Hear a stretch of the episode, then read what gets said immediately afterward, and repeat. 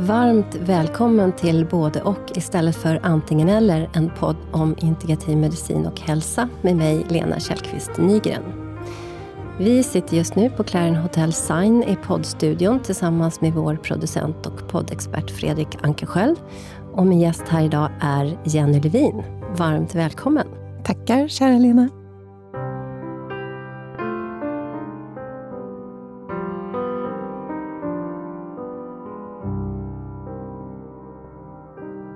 Jenny, du är legitimerad dietist, verksam inom primärvården med privatmottagning och du driver en konsultverksamhet, en dietistkonsultverksamhet. Du kallar dig, att, du kallar dig en integrativ medicinsk dietist och du har eh, en specialinriktning mot nutritionspsykiatri, vilket är superspännande och som du såklart ska få berätta om alldeles strax. Men innan dess så vill jag passa på att berätta att du är även kollega med mig i FIM, Svensk förening för integrativ medicin och hälsa, sedan 2016. Och du är också trebarnsmamma och en hängiven komposterare. Ja, precis. och jag får passa på att börja med att säga att eh, jag måste bara få påpeka tit eh, titeln på den här podden. Det är så bra. Både och istället för antingen eller. För det är verkligen det som, eh, som eh, integrativ medicin handlar om. Vad roligt att du säger det. Det, ja, det, det tycker jag också. Eh, men Jenny, vill du börja med att berätta hur, hur, hur kom du in på integrativ medicin och hälsa? Det var ju såklart flera olika anledningar, men framförallt så var det så att när jag, jag har eh, hållit på och lagat mat i många år. Ehm, som, jag jobbade som eh, kafébiträde eh, framför allt, framförallt. Men på, så har jag jobbat på Vaxholmsbolaget i många år och lagat mat till besättningen. Sen blev jag mamma till två barn ganska snabbt och då av olika anledningar så fungerade det inte att åka iväg och jobba som man gör där längre, utan då var det så här, nu jag behöver utbilda mig, vad ska jag göra som blir, där jag har användning av all den här matlagningen som jag har liksom hållit på med. Och då sökte jag mig till dietistutbildningen. Och samtidigt som eh, jag utbildade mig så var det så att min äldsta son hade problem med magen, vilket gjorde att jag parallellt med dietistutbildningen behövde söka upp mer kunskap vad det kunde bero på. Va, vad hade han för problem? Alltså nu idag så vet jag, eh, det visste jag inte då, men han hade egentligen eh, uppfyllt diagnoskriterierna för IBS. Okay. Alltså han hade förstoppning eller diarré, eller omväxlande diarré och förstoppning tre gånger i veckan, vilket är diagnoskriterierna för IBS. Och IBS, ska jag säga, det är en sån här slaskdiagnos kallas det för. Vi vet inte vad som är orsaken till att man har de här. Nej, det kan ju vara eh, matintoleranser, det kan vara virusar, det kan vara mm. bakterier, det kan vara uh, celiaki, det kan vara ja, Det kan till och med orsaker. vara oro eller ja. stress. Mm. Så att eh, verkligen att det kan vara flera olika orsaker. Men det visste jag inte då. Så det är också en så här att det har varit en, en utveckling. Eh, utan då var det mer så att vi, vi undrade, vad, det är någonting med hans mage, vad är det för någonting? Vi måste hjälpa honom med det här. En dag så var det en förskolepedagog faktiskt som sa, men ni kanske ska bara testa med laktosfritt för hans mm. mage. Mm -hmm. Så från förskoleläraren så fick ni tipset om ja. att testa laktos. Hade ni sökt läkarvård? Hade ni sökt till barnläkarmottagningen? Ja, vi gjorde ju det också. Vi sökte mm. såklart då, på vårdcentralen och eftersom det finns en viss eh, hereditet eller ärftlighet eh, för celiaki så, så frågade jag, kan, skulle man kunna göra ett celiaki-prov och se om det är så att det är någonting han inte tål? Då fick vi svaret från läkaren där att ja, vi tar det här provet nu, men sen får du ta och ge dig. Sen får du ta och ge, ge dig? Ja.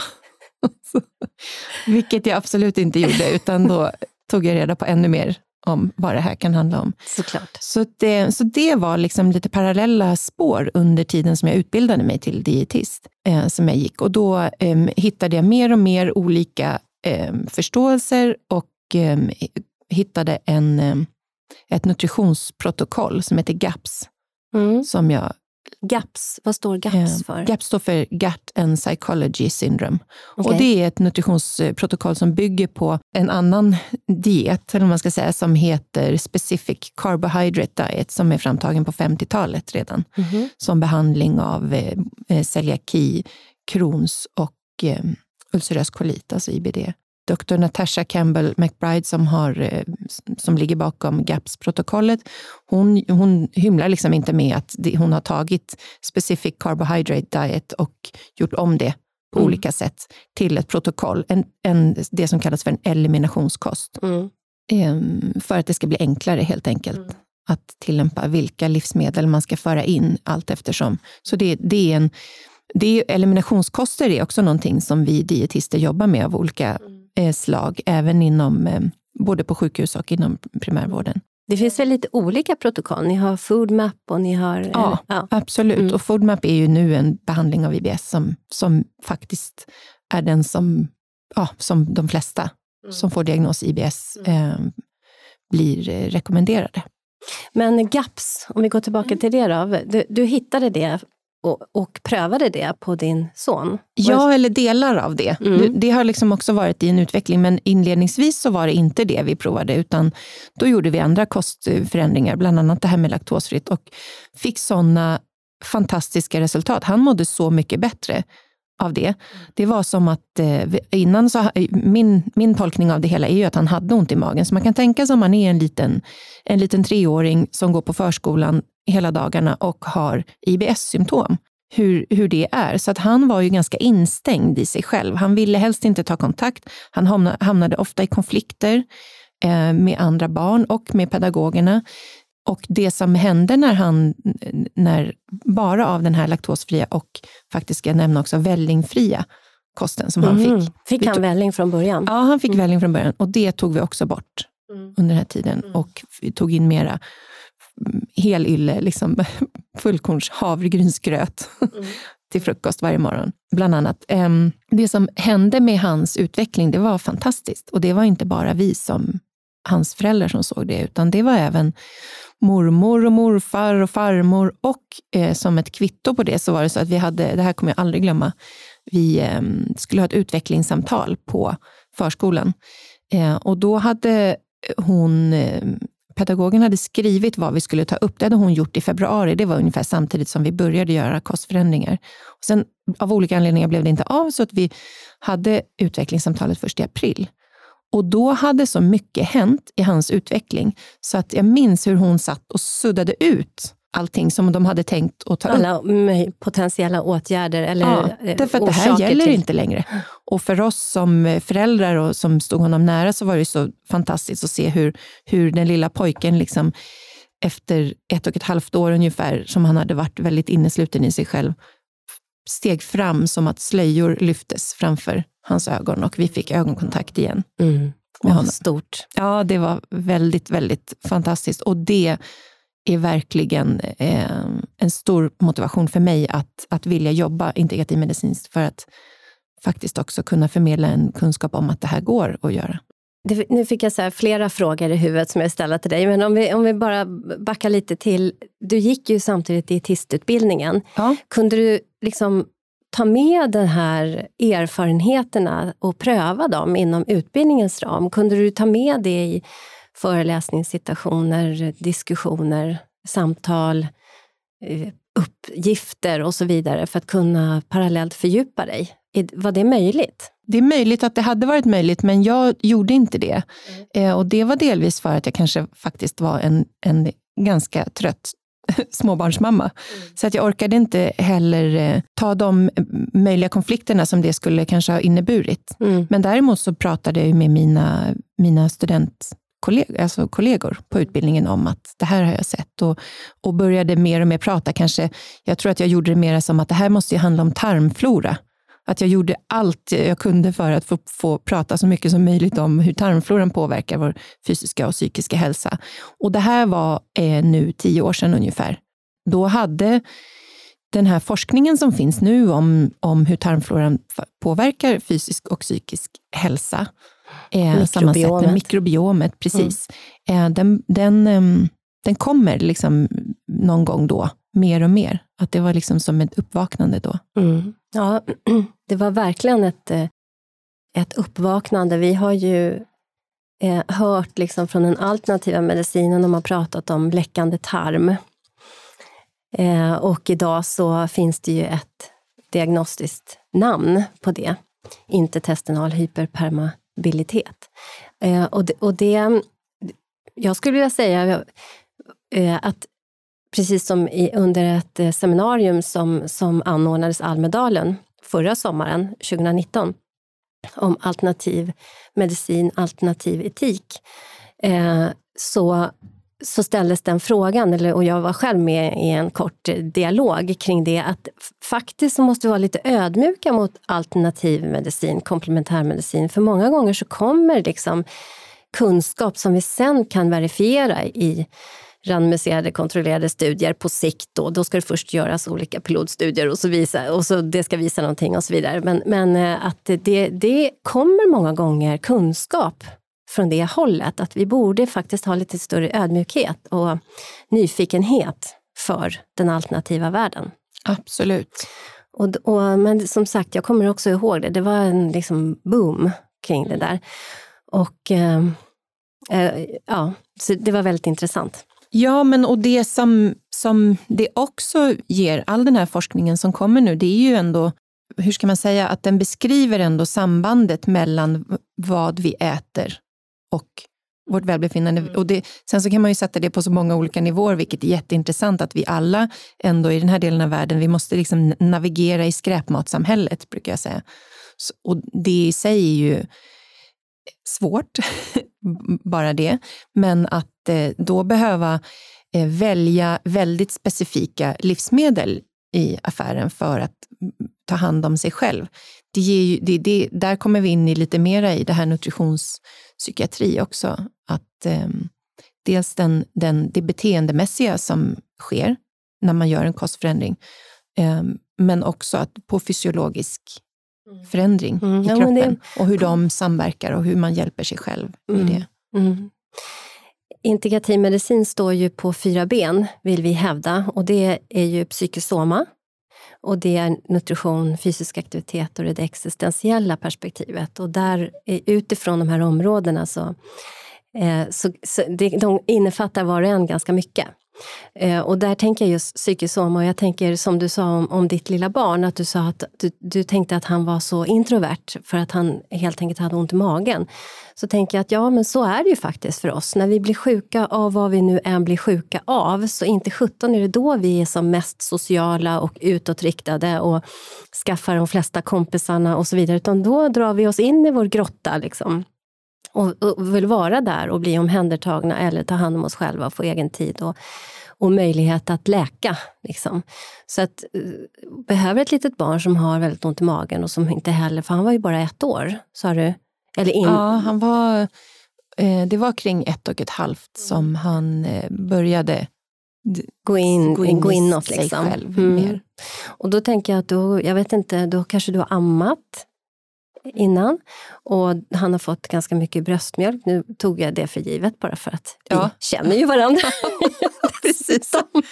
Så var det. det var mycket som hände i hans liv då. Han för, fick en lilla syster också. Ja, och precis. Det är många olika saker. Men, och mm. med det sagt så vill jag säga att det finns kvinnor som inte ammar och det finns orsaker till det som är absolut adekvata och det finns lösningar på det. Men du ammade mm. och då fick han bröstmjölk och sen så vid ett års ålder så, så brukar man ju liksom på allvar introducera annan mat. Mm. Liksom så så jag tänker att det är inte konstigt att det var då som han kanske också började gå in, att om han började få ont i magen på grund av att, att han till exempel då fick välling, eh, som du sa att han hade, och annat. Och det hände andra saker. Och att då bli introvert och inte orka med dagis och så är ju egentligen inte något konstigt. Och det kanske är, det mest, mest besvärliga är att vi i vårt samhälle eh, inte tar in den aspekten eh, på allvar. Eh, sådär övergripande. Det finns ju naturligtvis de som gör det, men övergripande så gör vi inte det, utan då är det ofta att vi går och eh, funderar utav olika bokstavskombinationer och annat som barnet då eh, har problem med. Och det är ett problem. Mm. Ja men verkligen. Och sen så, så ska jag säga att det, det är klart att eh, jag också kan ehm, eh, reflektera i efterhand över att det kanske eh, jag och eh, hans pappa skulle ha förstått att vi inte kunde ge honom välling tre gånger per dag. Eh, men det var vi helt enkelt så naiva att vi trodde att det gick bra. Och, och, och det tror jag också att väldigt många är. Ja, det, alltså, då i alla fall så fick man ju de rekommendationerna också. Att ja. gör gärna det. Mm. Och, och, och, om barnet är lite smalt, som i mitt eget fall, mm. så eh, häll i lite liksom, grädde eller fett, ja. i alla fall i någon form, i den där vällingen så ska du se att det där löser sig. Ja. Liksom. så, jaha, och så blev det bara värre. Liksom. Ja. Så det, det, och med det sagt så är ju forskning är ju trots allt en färskvara som vi förstår nya saker. Så det är inte människor som är onda eller elaka som på barnavårdscentralen rekommenderar oss sånt som skadar våra barn. Absolut inte. Men vi, vi liksom får förhålla oss till den eh, liksom, nuvarande kunskapen om vad vi tror är bra. Och då blir ju sådana här berättelser blir ju det som får på något sätt ifrågasätta det aktuella paradigmet av vad som är bra. Mm. Och, och, och, på sikt då förhoppningsvis en förändring, vilket vi sen såg. Ja men absolut. Och det, det, man måste också säga att det är väl bara i Sverige och i Finland som vi ger barn välling. Tror jag. Mm, mm. Det är väldigt, det är väldigt liksom svenskt. Är det så fortfarande att, att man ger det. väldigt mycket välling till barn? Vet du det? Ja, de rekommendationerna finns fortfarande och det handlar eh, om att de är järnberikade. Mm. Så att eh, det, de, de rekommendationerna finns kvar.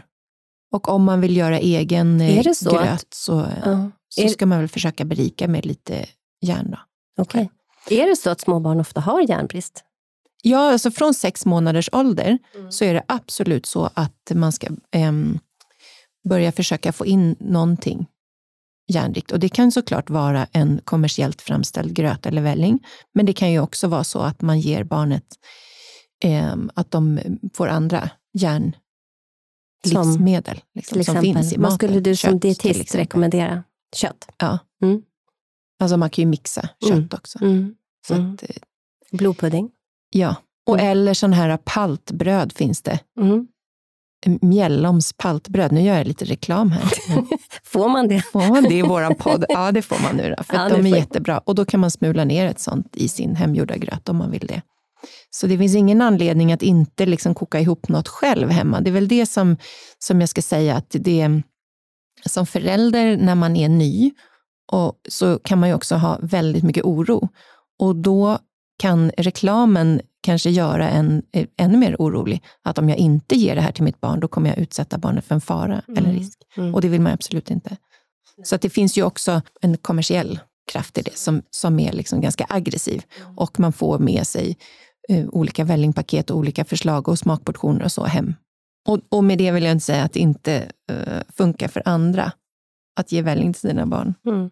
Nej, men det, det, det, det är väl bra att du säger det, för det finns ju naturligtvis de som kanske mår till och med jättebra på att få välling. Så, så att, men, men det unika, det, mm. det komplexa, det är att det är olika.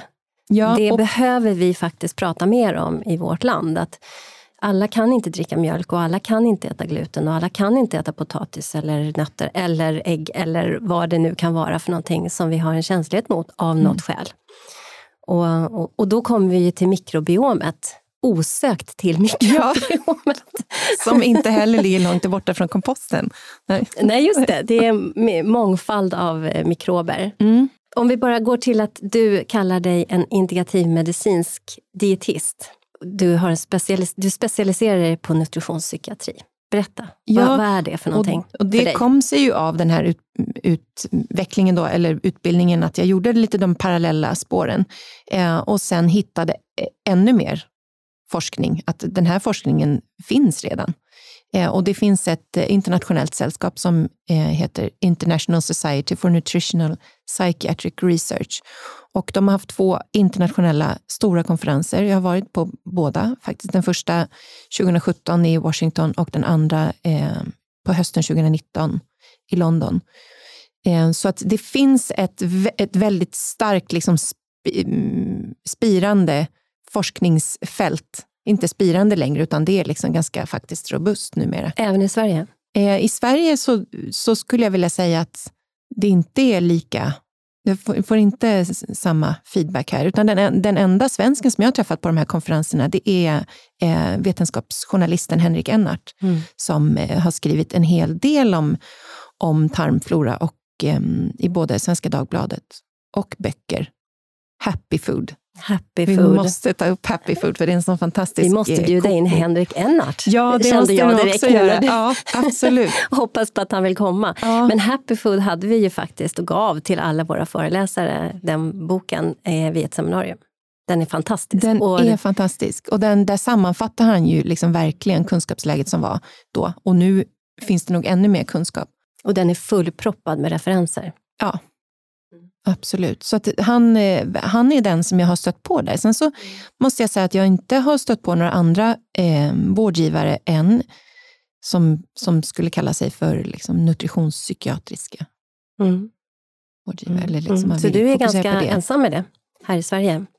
Ja, men sen så det, det, är ju inte, det ger ju inte sen att det inte finns eh, människor som är intresserade av hur maten påverkar vår fysiska och psykiska Nej. hälsa. Du Nej, till exempel. så det är vårt, ett av våra gemensamma intressen såklart. Mm. Jo, så är det. det är många ska jag säga, som har Ja. den, den förståelsen. Men, men det kanske inte är någon hittills som egentligen kanske heller vågar profilera sig. Så, eller? Nej, men precis. Vilket på ett sätt är, är på något sätt lite motsägelsefullt därför att forskningen om eh, att människor generellt mår bättre om vi äter bra, om vi motionerar, om vi får ha meningsfulla kulturella upplevelser eh, i vårt liv, den finns ju redan. Mm. Och den, det förstår vi ju också, Absolut. med eller utan forskning, Mm. att det här givetvis är bra. Sen så, så är det som att det ändå är svårt. Jag tänker mig inom psykiatrin, och det vet jag i och för sig eh, inte tillräckligt mycket om, men de patienter jag träffar som kommer från psykiatrin ehm, har ju oftast inte fått träffa en dietist innan jag är den första kontakten. Så då har man egentligen inte ens frågat vad, vad personen äter. Så äter en person då chips, dricker läsk och äter pizza då och då. Och sitter också kanske framför en dator ihopkrupen eller liksom lite grann sådär, som en hösäck eller vad man ska säga. Ja. Då trycker man ihop den här mag-tarmkanalen och vad gör det på sikt och så vidare. Det finns så många aspekter som man behöver egentligen se på ett, ett, ett utgångsläge som kan te sig enkelt, eller enkelt, det är kanske ingen som tycker det är enkelt faktiskt när jag säger det högt, men, men det, är, det är ytterst komplext och behöver belysas från flera olika håll. Ja, men precis. Och där tänker jag också att det, det, det finns någonting inom det integrativmedicinska som egentligen är väldigt ehm, basic också. Även fast det, det är komplext, men det är också sådär att ehm, men inom hälso och sjukvården, då kanske det skulle vara bra om vi jobbade så här. Att vi alltid, eh, när du söker vård, frågar hur är det med din fysiska aktivitet och vad äter du? Och sen också faktiskt jobba integrativt kring det. Men så som, det här handlar ju, det här är ju vårdorganisatoriskt och nu snöar jag in på lite sådana här saker för det ligger mig lite varmt om hjärtat också. Men det är nämligen inte så vi jobbar idag. Jag jobbar ju också inom primärvården ehm, i Stockholm. Och här ser det helt enkelt inte ut så. Utan vi dietister här i Stockholm, vi sitter på, ute på sådana här primärvårdsrehabmottagningar. Och då är det så att säga upplagt så att eh, vi eller vårdcentralen ska söka upp, den uppsökande verksamheten ska ske mellan eh, verksamheterna. Så det är inte en organisation som, som kommer med riktlinjer eller vårdprogram ovanifrån att försöka att arbeta integrativt, utan det är upp till er att skapa de kopplingarna. Och det gör vi ju därför att vi som vårdpersonal ja, vill, ju- de flesta av oss tror jag ändå ser att det är klart att vi måste samarbeta. Eh, men, men det liksom blir på ett sätt lite i motvind. Faktiskt. Absolut, det, det är på något sätt, men det här pratar vi om i andra ramar också, att det, att det, indiv, alltså det individuella, det specifika, att vi specialiserar oss och så vidare, gör att vi sitter på olika öar allihopa. Och sen så har så, så patienten då som kommer kanske med ett kroniskt eller komplext tillstånd behöver ju ha vårdgivare som har kontakt med varandra och som har förståelsen för att det ena kan påverka det andra utgångsläget. Och, och det är väldigt ofta så att man inte har det, eller har man det så kanske man inte upplever sig ha tid för att eh, lägga ner det på patienten för att få en, en helhetsbild eller så, för att vi är pressade och stressade och har liksom inte tid. Och det där tar sig liksom ner alla möjliga olika, på alla möjliga olika sätt i organisationen. Och, och det eh, tänker jag att filosofen Jonna Bornemark till exempel har tagit upp. Nu kanske jag glider lite, liksom, men, men att, att det, det är någonting i liksom, intellektus, som hon har, en av sina filosofer i sin bok eh, Det omätbaras renässans, som alla som jobbar inom hälso och sjukvården faktiskt borde läsa. Ja, verkligen. Eh, och hon också är någon som vi borde bjuda in hit till ja, podden. såklart. Mm. Åh, vilken eh, bra idé. Ja. Och, men just att, att det är någonting kring det här eh, omvårdandet eh, mellan, det intersubjektiva mellanrummet, liksom, både mellan behandlare och med patienten och så, där det sker så mycket överföring av information om vad det nu kan vara, som, eh, som är viktigt och som vi tappar när vi är så högspecialiserade och individualiserade och liksom sitter på våra olika öar och patienten springer emellan. Mm. Liksom, tre, fyra, fem vårdgivare. Så. Ja, verkligen. Och det här skulle jag vilja säga att jag ser eh, dagligen mm. på, på eh, primärvårdsrehab. Mm. Sen så gör vi vårt bästa, såklart. Alla gör sitt bästa tror jag och alla har en god intention. Eller alla, de flesta har en god intention och gör sitt bästa. Eh, men att det här är någonting som vi behöver prata mer om. Vad är det som vi, mm. vi för att verkligen liksom komma åt eh, ett omvårdande om den som behöver oss av något skäl. Om det är vårt barn eller om det är vår patient eller vår partner eller vän eller så. Och där kan jag också säga, lägga till att vara, kalla mig, att jag kallar mig för en integrativmedicinsk eh, dietist. Det handlar också om att faktiskt vilja ta ett samhällsansvar mm. och, och, peka på de här situationerna. Mm. Att det här blir inte det optimala för personen som söker vård. Och att engagera mig i eh, FIM, också som en, en del i det. Att, eh, att på något sätt vilja eh, jobba även i samhället. Mm för att kunna göra det här bättre. Ja, och det är samma för mig. Och där skulle vill jag säga, eftersom jag kallar mig själv för en integrativ medicinsk psykoterapeut, mm. eh, eller eh, kanske inte integrativ medicinsk, utan en integrativ eh, psykoterapeut. Och, och, så får jag förklara någon gång vad det är för någonting. Men just att man jobbar brett på det sätt man tar hänsyn till de här uh, fyra benen som vi pratade om och, eh, och, och tar det i anamnesen helt enkelt. Och jag brukar säga så att du, du kan få eh, i vilken liksom, superbra psykologisk behandling som helst, men sitter du bara och käkar junk food så kommer du aldrig komma i mål. Du kommer eh, kanske inte ens bli bättre. Mm. Du kan få förståelse, du kan strukturera, du kan veta vad du behöver göra, men du kommer inte vidare om kroppen inte får det den behöver helt enkelt. Så det är väldigt viktigt. Ja, det är verkligen det är det. Och det handlar ju om patientens egen motivation. Mm. Eh, men just det här med att eh, få en förståelse för hur man äter och vad man ger, det, det är också på en annan nivå om att omvårda sig själv. Liksom ta sig själv på allvar och göra någonting för sin eget och för sitt barn, där vi började. Att ta hand om våra barn. Det finns ju ingenting vi hellre vill än att ta hand om våra barn och att de ska må bra. Och när de inte gör det så finns det ingenting som motiverar oss mer än att söka liksom, ta reda på vad är det som, som orsakar att mitt barn inte mår bra. Apropå det här med att du absolut inte, vad var det läkaren hade sagt till dig, så får, du ge dig. Så får du ge dig. och det gjorde du absolut inte. Nej. Nej, jag har varit i den situationen också. Ja. Och jag kommer aldrig göra det. Någonsin. Jag tror, och jag tror att vi är så många föräldrar där ute som tänker på precis samma sätt. Absolut, det vet jag. Och det ser man ju också i olika grupper på sociala medier och så vidare. Hur, hur, hur kunskap kan sprida sig mellan föräldrar. Ja, absolut. Och en utveckling har skett, tänker jag också, att det här ändå är eh, som sagt tio år sedan. Mm. Så att jag tror eh, att, att idag så skulle kanske svaret förhoppningsvis inte vara det. Nej, utvecklingen har skett och det är ju någonting med våra barn, för det tycker jag ändå är väldigt mycket det som har drivit på utvecklingen.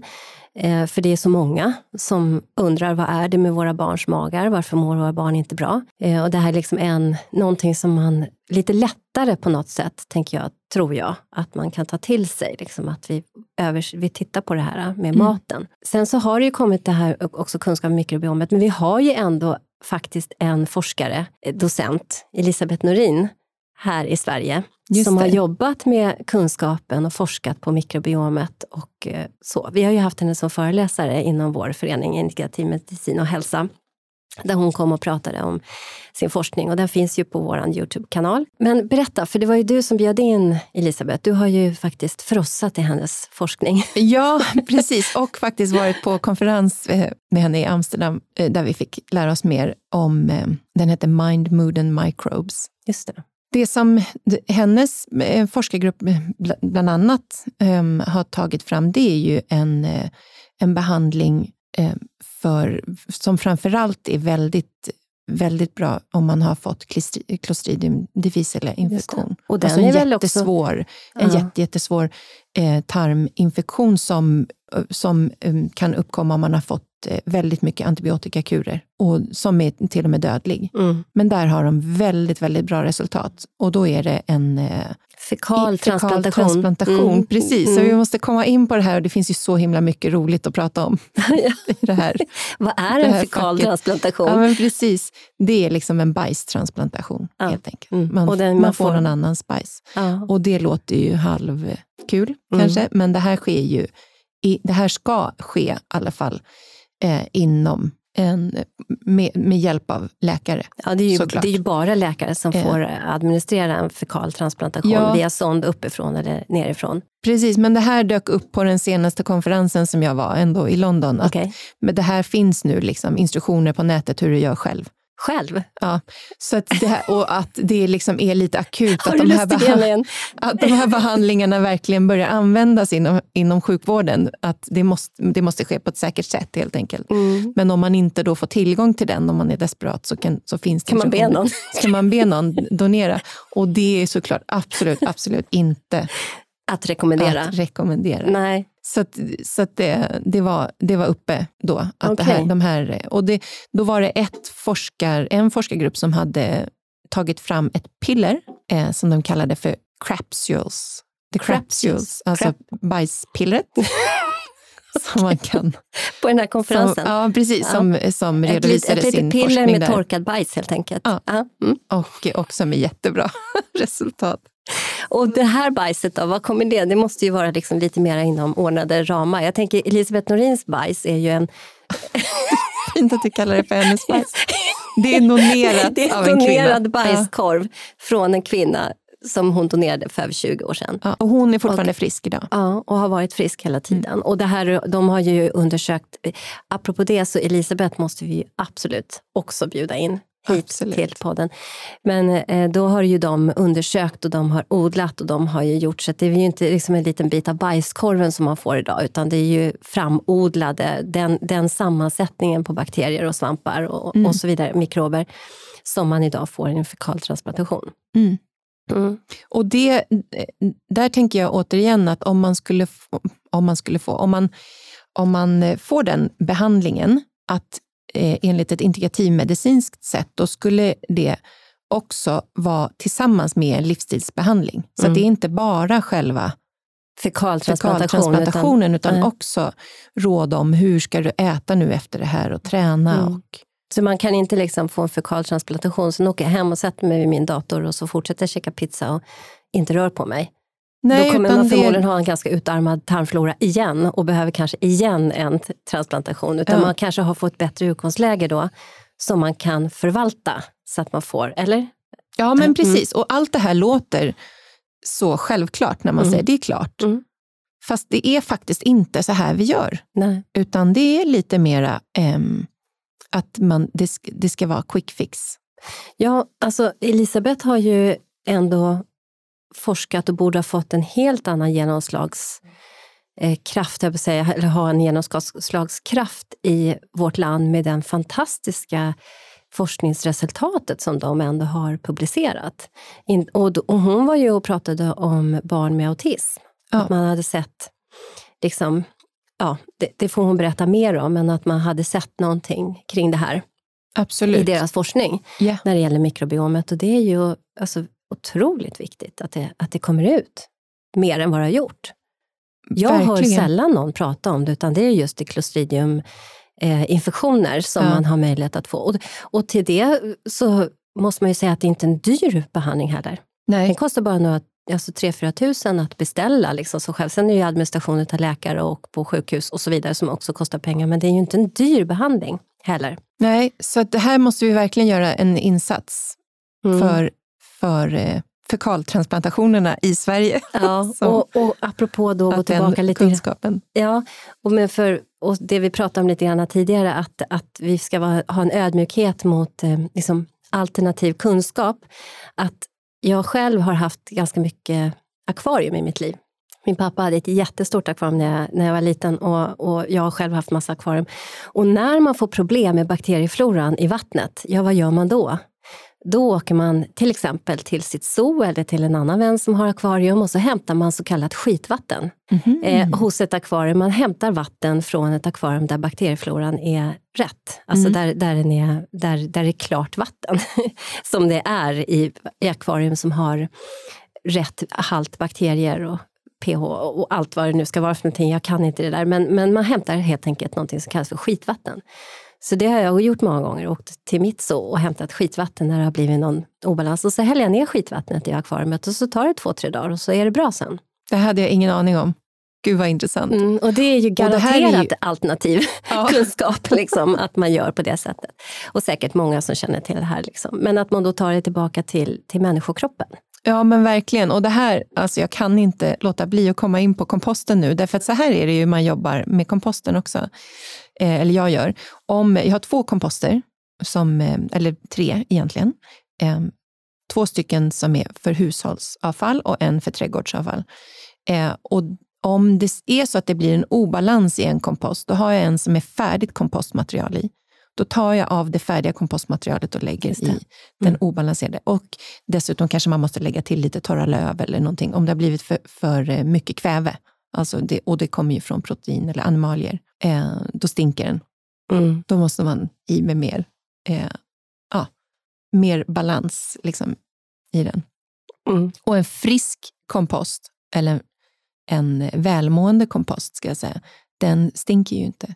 Den luktar ju liksom som en... Eh, jag brukar säga att den luktar som eh, frisk mylla, alltså som en skogspromenad efter regn. Det är den. Wow! Så det är inte... Då vill man plötsligt ha komposter ja. överallt. Precis. Och så kommer det... Eh, så här på hösten så är det jättehäftigt när man öppnar så är det fullt med maskar i komposten eh, som lever och mår bra där i. Och sen så eh, när man håller handen ovanför så kommer det värme ur den. Mm. Mm. Och då betyder det att mm. det är väl fungerande. Där. Men, men liksom förståelse för system. Ja. För all, allting är ju trots allt... Vi är ju inte liksom utanför våra system. Ingenting. Jag brukar säga att från den lilla cellen till det planetära systemet, vi påverkas. Vi påverkas från av månen, ebb och flod, och vi påverkas liksom i våra system. Cellen påverkas om, om det inte finns tillräckligt med ja men, bara ta ett exempel, natrium, kalium, magnesium och så vidare. Mm. Att det är kalcium. Och att eh, vi behöver ta hänsyn till det, att vi befinner i våra komplexa system på alla nivåer och det, och det har betydelse. Stor betydelse. Och då om man tar det till eh, när en person söker eh, vård för sin mage, så att, att vård hur ska jag säga, vårdgivaren måste vara öppen för att det här, vad det här mm. kan vara. Mm. Det kan vara mikrobiomet, det kan vara relationer, det kan vara stress, det kan vara många olika saker, mm. bara för att nämna några. Och det här är därför det är så viktigt, eh, tror jag, just i Sverige med integrativ medicin. För att internationellt så, så skulle jag vilja säga att det är ändå det finns en större öppenhet. Mm. Integrativ medicin på kroniska och komplexa tillstånd. Vi har ju trots allt liksom, eh, intensivvård och akutvård som är världsklass. Det, det är ju verkligen Absolut. helt fantastiskt vilken, vilken vård vi har i Sverige. Men just det kroniska och komplexa, där har, det liksom, där har vi inte samma kompetens eller, det, eller resultat på, på vår omvårdnad och våra behandlingar och människor, hur människor mår förståelsen, kunskapen. Där behöver integrativ medicin föras in, absolut. Mm. Och det, nu hörde jag det här får du rätta mig om jag har fel, men att det är så mycket som en miljon svenskar som äter antidepressiva. Ja, alltså så här på rak arm så har jag inte faktiskt siffrorna i huvudet, men det kan stämma. Det skulle vara 10 procent av Mm. befolkningen. Ja, det är många. Med allt vad det innebär. För vissa jättebra, för andra inte alls bra. För en tredje kanske katastrofalt på grund av biverkningar och så vidare. Så, så att, ehm, och, och där det finns så mycket annat att göra. Inte för att säga att vi inte ska ha läkemedel. Läkemedel är fantastiskt på rätt utgångsläge under rätt tidsspann och, och, och under rätt förutsättningar och så vidare. Så är läkemedel absolut, det vill vi ha eh, tillgång till. Jag själv använder det. Nu börjar jag staka mig för jag vet inte vad jag ska säga. Men, nej, men, Men- för men det jag som jag ville komma till där, det är som, som för mig som dietist, när patienterna kommer med remiss till mig och då kan det vara att eh, det är IBS till exempel. Och så står personen också på en liten eh, drös av mediciner, bland annat antidepressiva till exempel. Och då brukar jag fråga, okej, vad är tanken med det? Hur länge ska du äta dem? Och då är det faktiskt vanligt att personen säger, nej, det vet jag inte.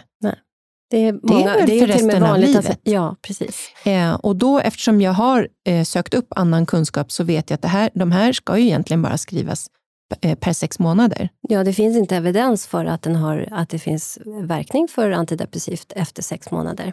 Och det är, är inte kontroversiellt överhuvudtaget. Det är ju läkemedelsbolagen själva väldigt öppna med att det är Mm. på det sättet. Plus att det också ska ske tillsammans med annan behandling. Parallellt med annan behandling. Så att farmakologisk behandling ska absolut inte vara det enda. Men det kan ibland vara det första vi måste sätta in, eller ibland det sista för att vi har provat allt annat. Eh, men däremellan så finns det många saker vi kan göra som väldigt ofta har lika god effekt. Precis, och där återigen är det här bara en, en sån sak som där jag känner att ett litet ansvar att peka på någonting som faktiskt inte fungerar bra. Att, eh, ja, att eh, sticka ut hakan lite där och, och säga att det här, det här är inte det bästa för personen. Och så få lite hjälp från mig här borta och sen så inom psykiatrin här borta någon helt annanstans och sen så gå till en sjukgymnast här borta någonstans. Då behöver personen själv redan vara väldigt ihopsatt för att Mm. klara av att gå till de här och olika ofta är de inte ställena. det när de söker hjälp. Eh, nej men precis, och då, mm, då, då tänker jag att det här måste rent organisatoriskt gå att göra på ett bättre sätt Absolut. eh, i samhället. Mm. Det har vi en tanke om hur man skulle kunna göra. Ja. Mm. Men om vi eh, tar det lite vidare, att eh, det jag också vill fråga dig om, vad... Nu har vi pratat ganska mycket, tänker jag också, om vad du vill, hur du vill verka integrativmedicinskt. Vad skulle du vilja så här i den här podden föra upp som du tycker är viktigt att, eller ska jag säga så här, att, det är en, att de myter som finns om integrativ medicin, Finns det någonting som, för det finns ju en del myter att integrativ medicin är samma som alternativ medicin, vilket det inte är. Eh, eller komplementär, utan det är ju både och istället för antingen eller, alltså både preventivt och i efter, efter annan traditionell behandling och så vidare. Eh, men är det någonting som du känner så här, men det här skulle jag vilja föra upp här, nu? Ja, vad är myterna? Ja, men att, att eh, för att någonting inte eh, för att någonting anses vara eh, alternativt och det inte är beforskat ännu, så, så ger ju inte det automatiskt att det inte kan fungera. Nej, så är det ju. Fast det kan ju också å andra sidan vara skadligt om det inte är... Alltså, det är väl det, det är ju det varför man ska göra forskning Ja, på. Men Självklart. absolut. Och då, ehm, då är det ju så att som legitimerad vårdpersonal, eh, av Socialstyrelsen legitimerad, så jobbar man ju inom ramen för sin legitimation. Eh, vilket är jätteviktigt såklart att säga och det Mm. gör ju jag Mm. givetvis. Eh, alltid. Eh, men att man eh, inom det integrativa kanske vågar ändå ta steget utanför att våga titta på andra och om det finns ny forskning som kommer, vilket finns, där vårdprogrammen så att säga går för långsamt. Mm. Eh, Implementeringen av ny kunskap och forskning tar för lång tid, många Ja. gånger. och, och det är på gott och ont givetvis att Mm. forskning tar tid. Ehm, därför att vi vill inte utsätta någon såklart för en behandling som ehm, skulle vara, kunna vara skadlig. Ehm, men när det gäller kostbehandling så är, är det faktiskt, om det är en vuxen människa som vill göra en kostförändring, så är det i stort sett helt, helt ofarligt skulle jag säga. Även om man går mot extrem veganism. Utan Ja, kunskap om Utan hur kunskap du ska... såklart, då Ja. är det ju, då är det ju eh, nej, där behöver du ha kunskap om det. Mm. Mm. Att Men att till exempel, jag tänker mig mer ganska enkla sådär att nej men jag vill inte äta skräpbröd och Mm. snacks och godis och vara en del av det här skräpmatsamhället. Mm. Det det. finns inga risker med det, men det är eventuellt provocerande Mm. eh, för en omgivning som vill fortsätta äta skräpmat. Ja, nej, det finns väl ingenting som säger att vi inte mår bättre av att äta, äta bra mat, eh, dricka bra drycker, vara i goda sammanhang, ha goda relationer, vara ute om, utomhus i naturen och i solen och så vidare. Det finns ju ingenting som säger att det är Mm. alltså kontraindicerat, att, att man absolut inte får rekommendera det. Eller? Nej, men precis, nej, det finns inte vad jag vet. Men jag tror att, att eh, så som det som sagt är organiserat så är det kanske inte det vi rekommenderar som det Nej. första. Nej. Men, eh, men myterna det är väl också att vi är, är mm, att det skulle vara flummigt på något sätt. Att integrativ medicin är flummigt eller alternativt och att det inte finns någon, att det inte skulle finnas någon evidens. Att de som verkar för integrativ medicin på något sätt är människor med foliehattar på Ja, sig. Liksom. det är nog den stora myten. Därför att vi har väldigt mycket integrativmedicinska människor som verkar för det, om vi liksom plockar isär vad integrativ medicin egentligen är. Ja, om vi, om, och gör man det så blir det ju en väldigt eh, eh, klassisk omhändertagande, hälso... Ja, back to basic på något sätt.